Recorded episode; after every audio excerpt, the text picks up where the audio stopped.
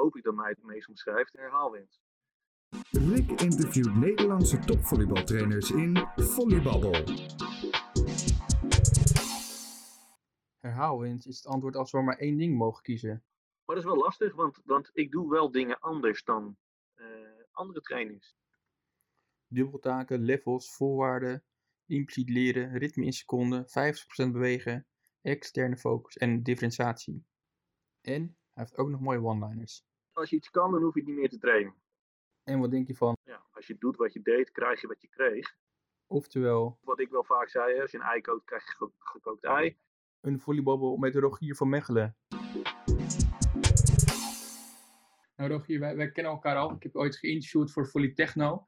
En dan heb ik je ook gevraagd wat volleybal voor jou is. En jij zei toen, uh, het is een heleboel voor mij. Het is mijn passie, maar ook mijn leven en mijn inkomen. Maar ik geloof toch het meeste in mijn passie.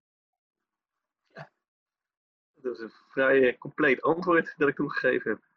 En dat is uh, nog steeds zo. Ik ben nog steeds bezig uh, met volleybal als werk.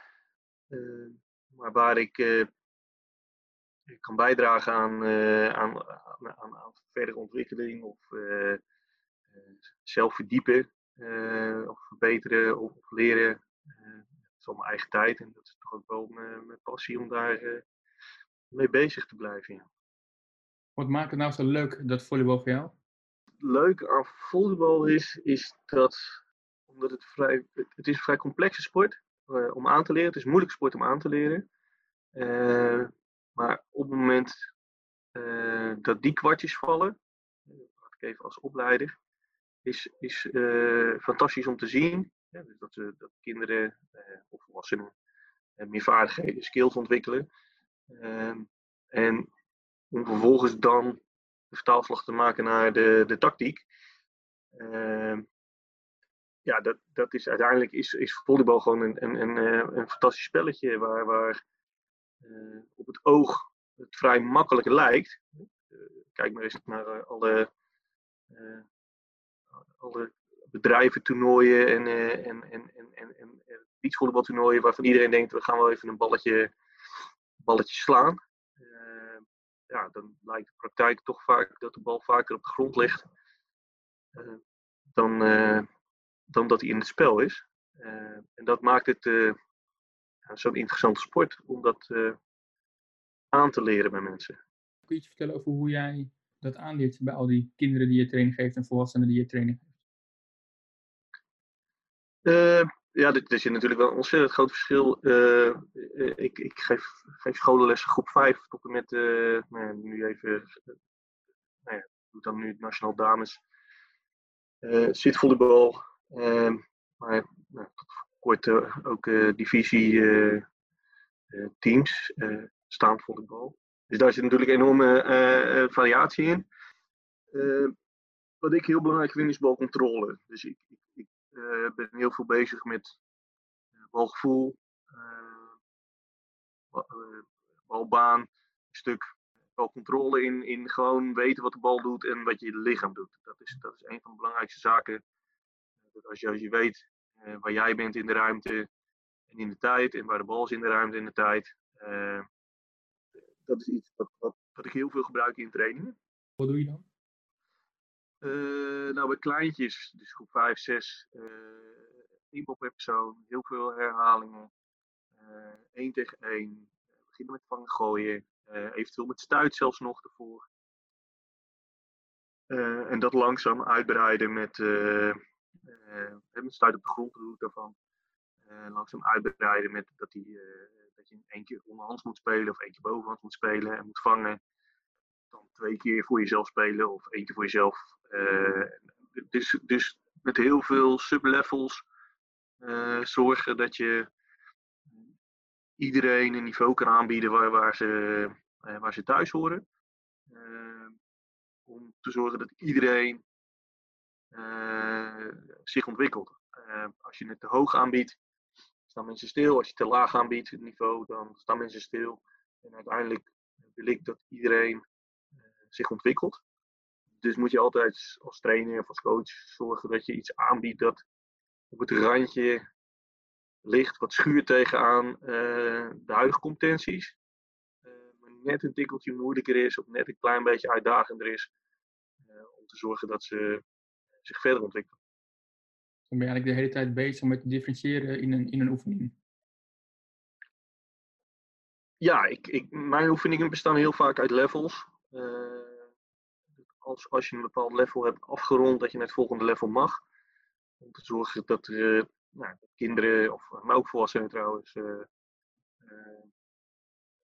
ontwikkeling zelf kunnen waarnemen. Dus het, is, het geeft een positief gevoel dat als jij iets afrondt, dat je naar een, naar, naar, naar een volgende moeilijkere oefening mag. Dat betekent ook dat je wel ergens moet beginnen, zodat iedereen wel ergens succes beleeft. En nou, dat, dan kan je de, week daarna kan je iedereen op, op dat level verder laten gaan als je dat bijhoudt of uh, opschrijft. Of je, gaat volgend jaar, volgende week weer ergens beginnen uh, met een level dat iedereen kan. Maar dat ligt een beetje aan hoe homogeen of heterogeen je groep uiteindelijk is. Als je dan hebt over zo'n level, werk je dan ook met uh, dubbeltaken bijvoorbeeld? Ja, ik werk heel veel uh, met dubbeltaken. Uh, dit, kan zijn, ik, dubbeltaken gebruik ik tweeledig. Eén is, je moet sneller kunnen bewegen of denken. Uh, dus het, het, gaat over timing, planning en controle weer. dus als stel dat jij een bal naar mij toe gooit en ik speel de bal omhoog, dan moet ik een pion aanraken om de bal weer te vangen. dan gooi ik hem naar jou en dan moet jij de bal omhoog spelen, moet je een pion raken en dan moet jij hem weer vangen. Nou, dat is een, bijvoorbeeld een level. Um, nou, dat level kunnen we op allerlei manieren moeilijker maken. We kunnen de pion verder zetten. Dat we sneller moeten rennen. Dus we zitten in de dubbeltaak. En we zijn veel met snelheid bezig. Kan ook een tennisbal op de pion leggen bijvoorbeeld. En als ik de bal die jij hebt gegooid omhoog speel, dat ik de tennisbal onder de pion moet leggen en dan de bal moet vangen. En dan ben ik veel meer met hand-oogcoördinatie bezig. Zo kan je uh, allerlei soorten dubbeltaken verzinnen. Uh, die naast het volleyballen, even volleyballen tussen aanhalingstekens, uh, andere competenties of andere leerlijnen ook aanstipt. Bijvoorbeeld als je een hoepel neerlegt, dat je door de hoepel moet, dan zit je veel meer op het gebied van lenigheid en flexibiliteit. en dat kan dat je als uh, met twee benen tegelijkertijd erheen gaat, of eerst één voet en dan de hoepel over je heen. Dus je kan al die taken van makkelijk naar moeilijk combineren, terwijl je toch dezelfde oefening aan, aan het doen bent. En dat is dan de skill die je aan het oefenen bent. En nou ja, als we het dan over planning hebben, als ik een tweede taak moet doen, moet ik zorgen dat ik zelf tijd maak om de tweede taak te kunnen uitoefenen. Dus je creëert ook dat je eh, onbewust, impliciet, ballen hoger gaat spelen. Om te zorgen dat je je tweede taak uit kan voeren. En in mijn optiek is het in volleybal zo dat als ik eh, volleybal, dus als ik een bal speel, dan moet ik daarna iets anders gaan doen. Daar moet ik tijd voor maken om een tweede taak te kunnen doen. En of die bij trainen dan sportspecifiek is of verzonnen is met een hoepel of met een pion of met een tennisbal of een andere item, uh, ben ik van mening dat je dat wel gelijk leert aan kinderen en dan ook volwassenen. Dus heb je altijd een actie en daarna altijd weer een vervolgactie? Ja, 9 van de 10 keer wel, ja. Als je dan een, een training maakt of, of je maakt een oefening, zijn er nog andere aspecten waarmee je rekening houdt? Want dat moet er per se in zitten. Uh, nou, ik ben op dit moment bezig met het uh, ontleden van oefeningen. Uh, en ja, daar komt een heleboel dingen bij kijken. We hebben het op dit moment grofweg ontleed in trainingsinhoud. Daar kom ik dan zo even op terug. Ja, je, je, je hebt een aantal, zoals je bij VT2, VT3 leert, je hebt natuurlijk een aantal kernen van een training. Warming-up, kern, game-like oefeningen, cooling down, dat soort zaken. Maar een oefening zit ook in uh, bepaalde organisatievormen. Uh, ik wil altijd voorkomen dat, dat mensen in rijtjes komen te staan. maar je kan bijvoorbeeld zorgen dat ze wedstrijdjes spelen, of dat ze moeten mikken. Er zijn allerlei organisatievormen te verzinnen. Ehm, en de rijtjes, waar vaak rijtjes in voorkomen, is vaak stroomoefeningen. Dus je moet van A naar B. Eh, als ik dit heb gedaan, moet ik daar naartoe. Maar als de voorganger niet snel genoeg is, dan kom ik in de file te staan. En nou ja, dus de, uiteindelijk zijn er een heleboel elementen waar je rekening mee moet houden. Uh, dan kan je sporttechnisch kijken. Wat, wat, moeten we nou leren op een bepaalde tijd, op een bepaald moment. Maar je kan ook uh, kijken naar uh, welke manier van leren ga ik gebruiken. Of welke uh, competentie zou ik willen aanleren. Dus sport als middel. Als je uithoudingsvermogen of doorzettingsvermogen zou willen trainen, nou, dan zou je bijvoorbeeld een moeilijke oefening kunnen kiezen, die ze wat moeilijker kunnen halen, om te kijken van hoe gaan mensen om met het feit dat uh, als je zegt, nou, ik uh, probeer het dus 15 keer te halen, en dat ze steeds bij 10, 11, 12 dat fout gaat, hoe gaan ze dan om met uh, teleurstelling of met tegenslag? Ehm, dus er zijn een heleboel elementen in een training of in een oefening ehm, die je kan gebruiken als uitgangspunt ehm, of een gevolg zijn van je oefening zelf. En dat maakt training geven aan de zijde heel complex. Uh, aan de andere kant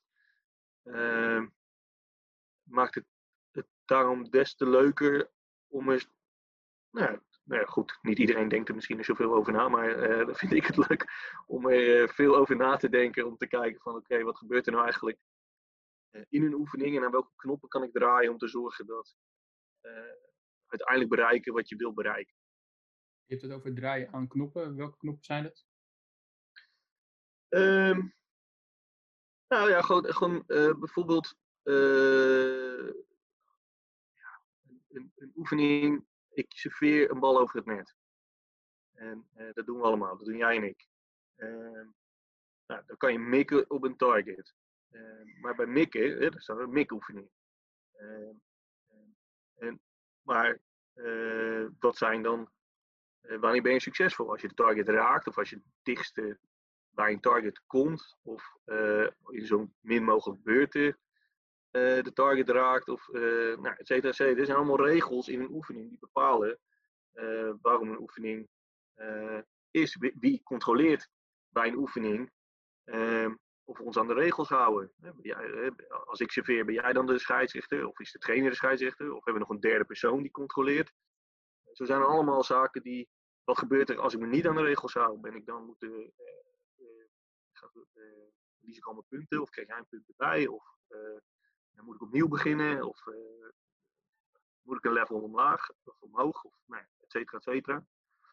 Um, dus er zijn een heleboel uh, uh, knoppen ehm, waar je kan draaien. Zo kan je ook draaien aan sociaal-pedagogische ontwikkeling. Ehm, maar ik ben niet per se aan draaien, maar dat is wel een interessante. Die ik veel tegenkom bijvoorbeeld bij scholenlessen. Als ik bij de ene school 2 tegen 2 gaan spelen. Uh, krijgt de ene school krijgt ruzie en de andere school krijgt geen ruzie. Uh, nou, dat heeft te maken, niet te maken met per se de oefening, maar met het sociaal klimaat dat er heerst. Kennelijk zijn ze nog niet zo ver dat ze sociaal gezien met elkaar om kunnen gaan, dat ze met de winst en verlies om kunnen gaan. dus daar speel je dan heel vaak 2 tegen 2 zonder punten, of 2 met 2. Hè, voor je een bepaald aantal herhalingen te halen. Uh, en ja, ook daar zit een, een, gradaties in. Uh, in sociale omgeving, dat je, waar je rekening mee kan houden als je een oefening maakt. Dus, dus uh, een kind van 6 is ontzettend op zichzelf eh, georiënteerd. Nou, die heeft helemaal, die zal moeite hebben met samenwerken. maar die zou wel eh, bijvoorbeeld om de beurt eh, kunnen spelen. Eh, of alleen naast elkaar. Ehm, en op het moment dat een oefening dus niet loopt, wil niet per se zeggen dat je een andere oefening nodig hebt. Maar dat je ook aan de knop sociaal-pedagogisch klimaat kan draaien. Waarbij je dezelfde oefening houdt. Maar dat de complexiteit met de ander minder wordt. Of meer wordt als het goed gaat. dus nou ja, zo zijn er nog een heleboel knoppen waar je aan kan draaien. Als je dan aan het einde van zo'n training naar huis gaat, wanneer heb je dan altijd een lekker gevoel bij zo'n training? Wanneer denk jij van ja, dit was echt een, een goede training? Nou, er zijn bij mij twee meetpunten om te kijken of een training uh, geslaagd was. Dat is één, uh, gaat iedereen uh, met een rode kop en een glimlach naar huis. dat is het belangrijkste. Maar dat kan je ook voor elkaar krijgen zonder dat ze iets verder zijn in volleybal. Dus mijn tweede punt is waar ik naar kijk is, oké, okay, ik stel meestal einddoelen op voor een seizoen. En dat kijk ik ten opzichte van het begin van het seizoen. Waar zijn ze en waar willen we naartoe? Uh, dat ligt een beetje aan de leeftijd of we dat in overleg doen of dat we dat uh, zelf bepalen. Of dat we dat aan de hand van bij het CNV houden we dan een beetje de richtlijnen aan wat, wat moet een CV-kind op een bepaald niveau kunnen. Ehm, dus de tweede punt is, als we van de training afkomen, waar ik blij van word, is, is constateren dat er vooruitgang in zit. En dat wil niet zeggen dat dat per se door die training komt, maar dat je nou, na een bepaalde periode ziet dat, dat het beter gaat dan in het begin. Um, en dan ga, je ook met, ja, dan ga ik ook met een uh, tevreden gevoel naar huis. Er is nog een derde. En dat komt meer. Uh, ik ben nog experimenteel. Uh, ik, ik, laat nog wel eens mijn gedachten over de dingen heen gaan. Waar ik wel eens kan broeden op een bepaald iets. Waar ik dan in vastloop. En dat wil ik dan proberen in een oefening of in een vormpje of in een experimentje te vangen. Om te kijken of dat oplost wat, ik, wat ik wil oplossen. En als dat lukt, dan ben ik misschien nog wel het gelukkigst. Kun je daar een voorbeeld van geven? nou, toen ik RTC-trainer was, ik wel heel veel met, met tape en plakband en, en mensen in bepaalde en, en, elastieke uh, vrijheidsgraden ontnomen van bewegen om bepaalde uh, andere bewegingen uh, te, te, laten initiëren. dus zo'n hele dwingende omgeving te, te, creëren om te zorgen dat ze, als ik dit niet meer kan bewegen, moet ik dus dit bewegen om de bal wel hetzelfde te laten doen. ik heb wel eens met rietjes gewerkt. Eh, met Pasen, dat, dat, dat rietje dan liet zien welke richting de bal op ging, om, om te laten, nou, om de focus te verleggen van, oké, maar als, als ik mijn armen zo hou, dan staat het rietje die kant op. En dan zien mensen dus, en kinderen, zonder dat je hoeft te zeggen wat er gebeurt, wat het gevolg is als je je arm op een bepaalde manier houdt. En dat soort experimenten ja, vind ik leuk. Daar kan ik, eh, daar kan ik uh, uren mee vermaken. Ik doe een heleboel experimenten en ik doe ook een heleboel oefeningen die uiteindelijk helemaal nergens op slaan, blijken te slaan. Er was er wel over nagedacht, maar die, die dan niet brengen wat ik van tevoren had gedacht. Of iets anders brengen. Dat is trouwens ook leuk als ze opeens iets anders tevoorschijn halen dan dat je zelf had gedacht. Ehm, maar ik ben wel bezig met uh, motorisch leren. Veel met impliciet leren over nou, externe focus of, of uh, in het Nederlands heet dat uh, dwangstellingen, dus dwingende situaties. om te spelen, om, om bepaalde dingen voor elkaar te krijgen. Dat zijn dan oefeningen die je zelf brengt? Nou ja, of, zijn afgeleid van oefeningen die je bij anderen ziet. maar ik speel wel graag met randvoorwaarden. Dus, dus uh, het net gaat bij mij bij een training, uh, bij jeugd dan met name, regelmatig omhoog en omlaag of schuin. ik gebruik veel materialen, veel muren, veel materialen die gewoon in, in gymzalen te vinden zijn. Situaties creëren die niet alleen voor beleving zorgen, dus de herhaalwens, maar ook zorgen dat nou, bijvoorbeeld bepaalde beweegvrijheidsgraden niet meer gebruikt kunnen worden. Of dat uh, het automatisch uh, ziet dat je uh, succes hebt. En dat doe ik ook bij scholenlessen. Ik heb bij scholenlessen een serveermachine gemaakt voor die kleintjes. Zet ik een dikke mat ietsje van de muur af. Met daarachter twee banken. Eentje plat en eentje schuin. En als je dan over de dikke mat heen serveert, dan valt de bal op de op de bank. Die rolt dan zo als machine naar het afvalstation. En dan, nou, als je daar de bal weer kan pakken, dan mag je één pion omdraaien en heb je het punt. Maar dat zorgt ervoor dat ze veel langer het spelletje serveren gaan, gaan uitvoeren. Ik probeer wel manieren te verzinnen om, om te zorgen dat als een, nou ja, om het zo leuk mogelijk te maken. maar ook met name kinderen te helpen om zonder iets te zeggen de juiste manier, of de juiste, er is geen juiste manier, maar een succesvolle manier te vinden. waarom is het zo belangrijk dat je dat doet zonder iets te zeggen? En dat het in oefening zit? Nou, om, ik ken een heleboel trainers die, die, die, die, die geven dan feedback. En als er dan iets niet gebeurt, dan geven ze hetzelfde feedback, maar dan iets harder, alsof het kind doof is.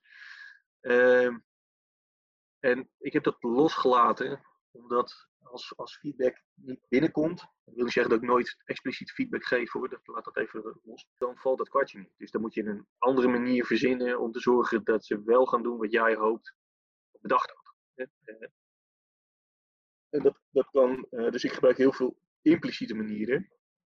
Dus ik werk veel met analogieën, eh, veel met dwingende, dwingende omgevingen maar ook met externe focus. En ja, op het moment dat een kind zelf een oplossing verzint voor een beweegprobleem, even zo definiëren, dan is er en meer succes. Want anders is het een trucje dat jij ze hebt geleerd en dit hebben ze dan zelf opgelost. En het beklijft lang. Ja, goed, als je de wetenschap nu leest, gaat er heel veel over impliciet leren. Het, moet nog blijken over 20 jaar of dat inderdaad zo succesvol is eh, als, als het nu lijkt te zijn. En wellicht eh, is er over vijf jaar weer eh, een combinatie voor een andere manier van leren die, die interessant is. Maar we proberen wel de ontwikkelingen te blijven volgen. Als het gaat om ritme, dan heb je volgens mij ook iets bedacht? Nee, als, je, als je heel veel voetbal kijkt, dan, dan weet je op een gegeven moment wanneer iets succesvol verloopt of niet. Als ik een bal raak, eh, dan weet je of een bal goed geraakt is of niet. En dat heeft niet alleen te maken met gevoel of techniek, maar dat heeft ook te maken met als je de bal raakt, dat je weet, nou, nu over zo'n lange tijd uh, kan de tweede persoon hem raken. En dat is in het ritme van volleybal. En toen ben ik veel naar volleybal gaan kijken. En nou ja, eigenlijk tot en met motorklasse derde divisie is het ritme eigenlijk twee seconden voor de paas, twee seconden voor de setup. Als je naar buiten setup. Eh, en eh, ik tel dus ook heel veel mee. Eh, als je twee seconden geeft als paser of als libero aan een spelverdeler, maar de bal blijft wel aan jouw kant, komt er altijd, altijd, komt er veel vaker een hele goede snap uit, of een goede snap uit, dan als ik wel op de plek moet spelen waar we hadden afgesproken. Dus laten we even de 2, 3 of 0, hoe je dat gedefinieerd hebt. maar je geeft een verkeerd ritme. Dus als je hem heel snel paast, dan kan de spelbedeling niks mee. Maar geef hem heel hoog, uh, kan er eigenlijk ook niet zo heel veel mee. Omdat het niet praktisch is voor een spelverdeler of voor een midden of voor iedereen die iets uh, moet doen. Dus uh, ik geloof heel erg in ritme in volleybal. En hoe hoger je speelt, hoe sneller het gaat natuurlijk. Hè. Dan gaan de ballen op de buiten, die gaan veel sneller. En de middens en de dia's gaan allemaal sneller. Maar de, en de, en de rallybases gaan ook wat sneller. Maar tot en met derde divisie is het, uh, ja, vind ik dat je twee seconden paas, twee seconden setup op de buiten en op de dia uh, relatief nou, een goede, goede vergelijking is en een goed uitgangspunt is om spelers ritme te laten ervaren inderdaad. Ik sprak laatst een trainer van jou en die had het over 50% bewegen. Zowel bij SCV, maar ook bij trainers die ik begeleid. Uh, gaat over, als ik naar de training kijk, wil ik dat 50% uh, in beweging is. En uh, in beweging is een uh, eh, 50% of meer dan. Hè? En dat gaat over nou ja, bijvoorbeeld rijtjes. die wil je voorkomen. Maar ook als je gewoon op een willekeurig moment een, een 10 seconden een filmpje zou maken van, van jouw training of een training, dan wil je dat 50% in beweging is, waarvan in beweging is of bezig met de bal, eh, of daadwerkelijk in beweging door het verplaatsen of zij door een pion, of, eh, maar niet stilstaat. Ja, bij ons moet de aangooien na de aangooien altijd ook een actie maken. zodat, ze, zodat die ook in beweging zijn. Dat kan je dwingend maken, of dat kan je sportspecifiek doen. Dus bijvoorbeeld, je gooit aan die paser, en die paser die moet daarna voetbal, hè, dus gaan uitdekken of gaan, aan, gaan aanvallen. of je kan het niet sportspecifiek doen en dan ja, kan je uh, als je de bal hebt aangegooid, dan moet je de muur aanraken voordat je de volgende bal mag gaan gooien. Als je anderhalf uur traint, dan moet gewoon uh, eh, 50% of meer constant in beweging zijn. Het ritme, het bewegen. Zijn er nog andere thema's die vaak terugkomen? Nou ja, waar, waar, we aan het begin van het gesprek over gingen, ging over differentiatie. Het ging dus over zorgen dat je je training op maat zijn. Hm. Ehm, weten waar je naartoe wilt. dat zijn hele belangrijke. Ehm, en een herhaalwens. Bewegen om alleen maar te bewegen is niet zo heel erg spannend. Uh, dan kan je eens goed rondjes om het veld gaan rennen. Dan ben je ook in beweging. Maar er moet ergens ook iets spannends in een oefening zitten. Uh, die kinderen en volwassenen triggert. Uh, zodat ze volgende week zeggen: eh, kunnen we die oefening weer doen, want die was leuk. Ehm, of kunnen we weer verder met dit, of kunnen we dit gaan doen, of zus gaan doen. Maar dat zijn wel de vertrekpunten eh, waar ik veel mee werk inderdaad. Dan neem ik een voorbeeld van eh, voetbal bijvoorbeeld. Een heel andere sport. Maar latje trappen heeft een ontzettend hoge herhaalwens. maar het lukt bijna nooit. Dus hè, soms we zeggen wel eens als een oefening te moeilijk is, is hij niet geschikt. Maar latje trappen is voor mij een voorbeeld van een oefening die ontzettend moeilijk is, maar wel een hele hoge herhaalwens heeft. Een oefening wordt pas stom als hij heel moeilijk is en geen herhaalwens heeft. Dan haken mensen af. Uh, en hetzelfde bij te makkelijk. Uh, bij te makkelijk en hoge herhaalwens. Ja, dan leren ze misschien niet zoveel. als trainer zijn. Dus voor je einddoel is het niet zo interessant. Maar kennelijk vinden ze het wel hartstikke leuk. En dan is het misschien interessant om die hele makkelijke oefening ietsje moeilijker te maken, zodat je wel de herhaalwens houdt. Dat sluit ook mooi aan bij wat je ooit eerder hebt gezegd als je dat al kan, dan hoef je het niet meer te doen. Ja, klopt, ja. Ook daar zijn uh, wat mensen over gevallen. Ja, ik zeg vaak, uh, uh, als, je, als je iets kan, dan hoef je het niet meer te trainen. Zonder van de tijd. Dus laten we voornamelijk dingen trainen die we nog niet kunnen. dat is en spannender en daar worden we beter van. En ja, dat is ook een beetje een knipoog naar. Er zijn heel veel trainers ik heb dit wel eens gezegd op de clinic. Er zijn heel veel trainers die vinden het fijn als een oefening lukt. Dan voelen ze zichzelf competent als trainer. Van kijk mij eens, die oefening gaat supergoed. Dus mijn kinderen zijn supergoed en dus ik ben een supergoede trainer. Uh, dan chargeer ik een beetje, maar dat is uh, waar het toen over ging. En ik zei toen, ja, maar volgens mij hoef je alleen maar dingen te trainen die je nog niet kunt. En ben je dus pas een goede trainer als je een training geeft waar niks lukt. Uh, want dan bied je tenminste iets aan wat, waar, waar, je, waar je groep mee struggelt. en waar ze naartoe moeten. en ergens vind ik daar nog steeds een bepaalde waarheid in zitten. Heel veel leren is gebaseerd op de kracht van herhaling. maar ik vind dat op het moment dat je wel kan herhalen, maar dan betekent wel dat je de moeilijkheidsgraad, en dat kan, dus de druk, moet verhogen. Om te kijken of de, die techniek nog steeds volhoudt bij, bij een bepaalde druk. Jamie Morrison noemde dat skill uit mijn hoofd. Of nee, Victor Anverdorf zou dat. Skill is techniek plus pressure. Dus herhalen is zeker wenselijk, maar dan herhaal je eigenlijk niet, want je doet hetzelfde alleen met een verhoogde pressie, met een verhoogde moeilijkheidsgraad. Dus doe je iets nieuws. Ja, als je doet wat je deed, krijg je wat je kreeg. En we willen volgens mij altijd, uh, uh, of wat ik wel vaak zei, als je een ei kookt, krijg je gekookt ei. Ja, als je iets anders wil, moet je iets anders doen. En dat, dat is volgens mij een, een, een, ook een vrij groot principe bij training geven. En vroeger deed ik daar allemaal gekke, gekkigheden als, als persoon. En tegenwoordig hoop ik dat mijn oefeningen daarvoor uh, voor spreken.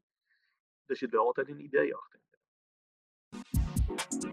Wil je meer? Kijk dan op volleybubble.nl.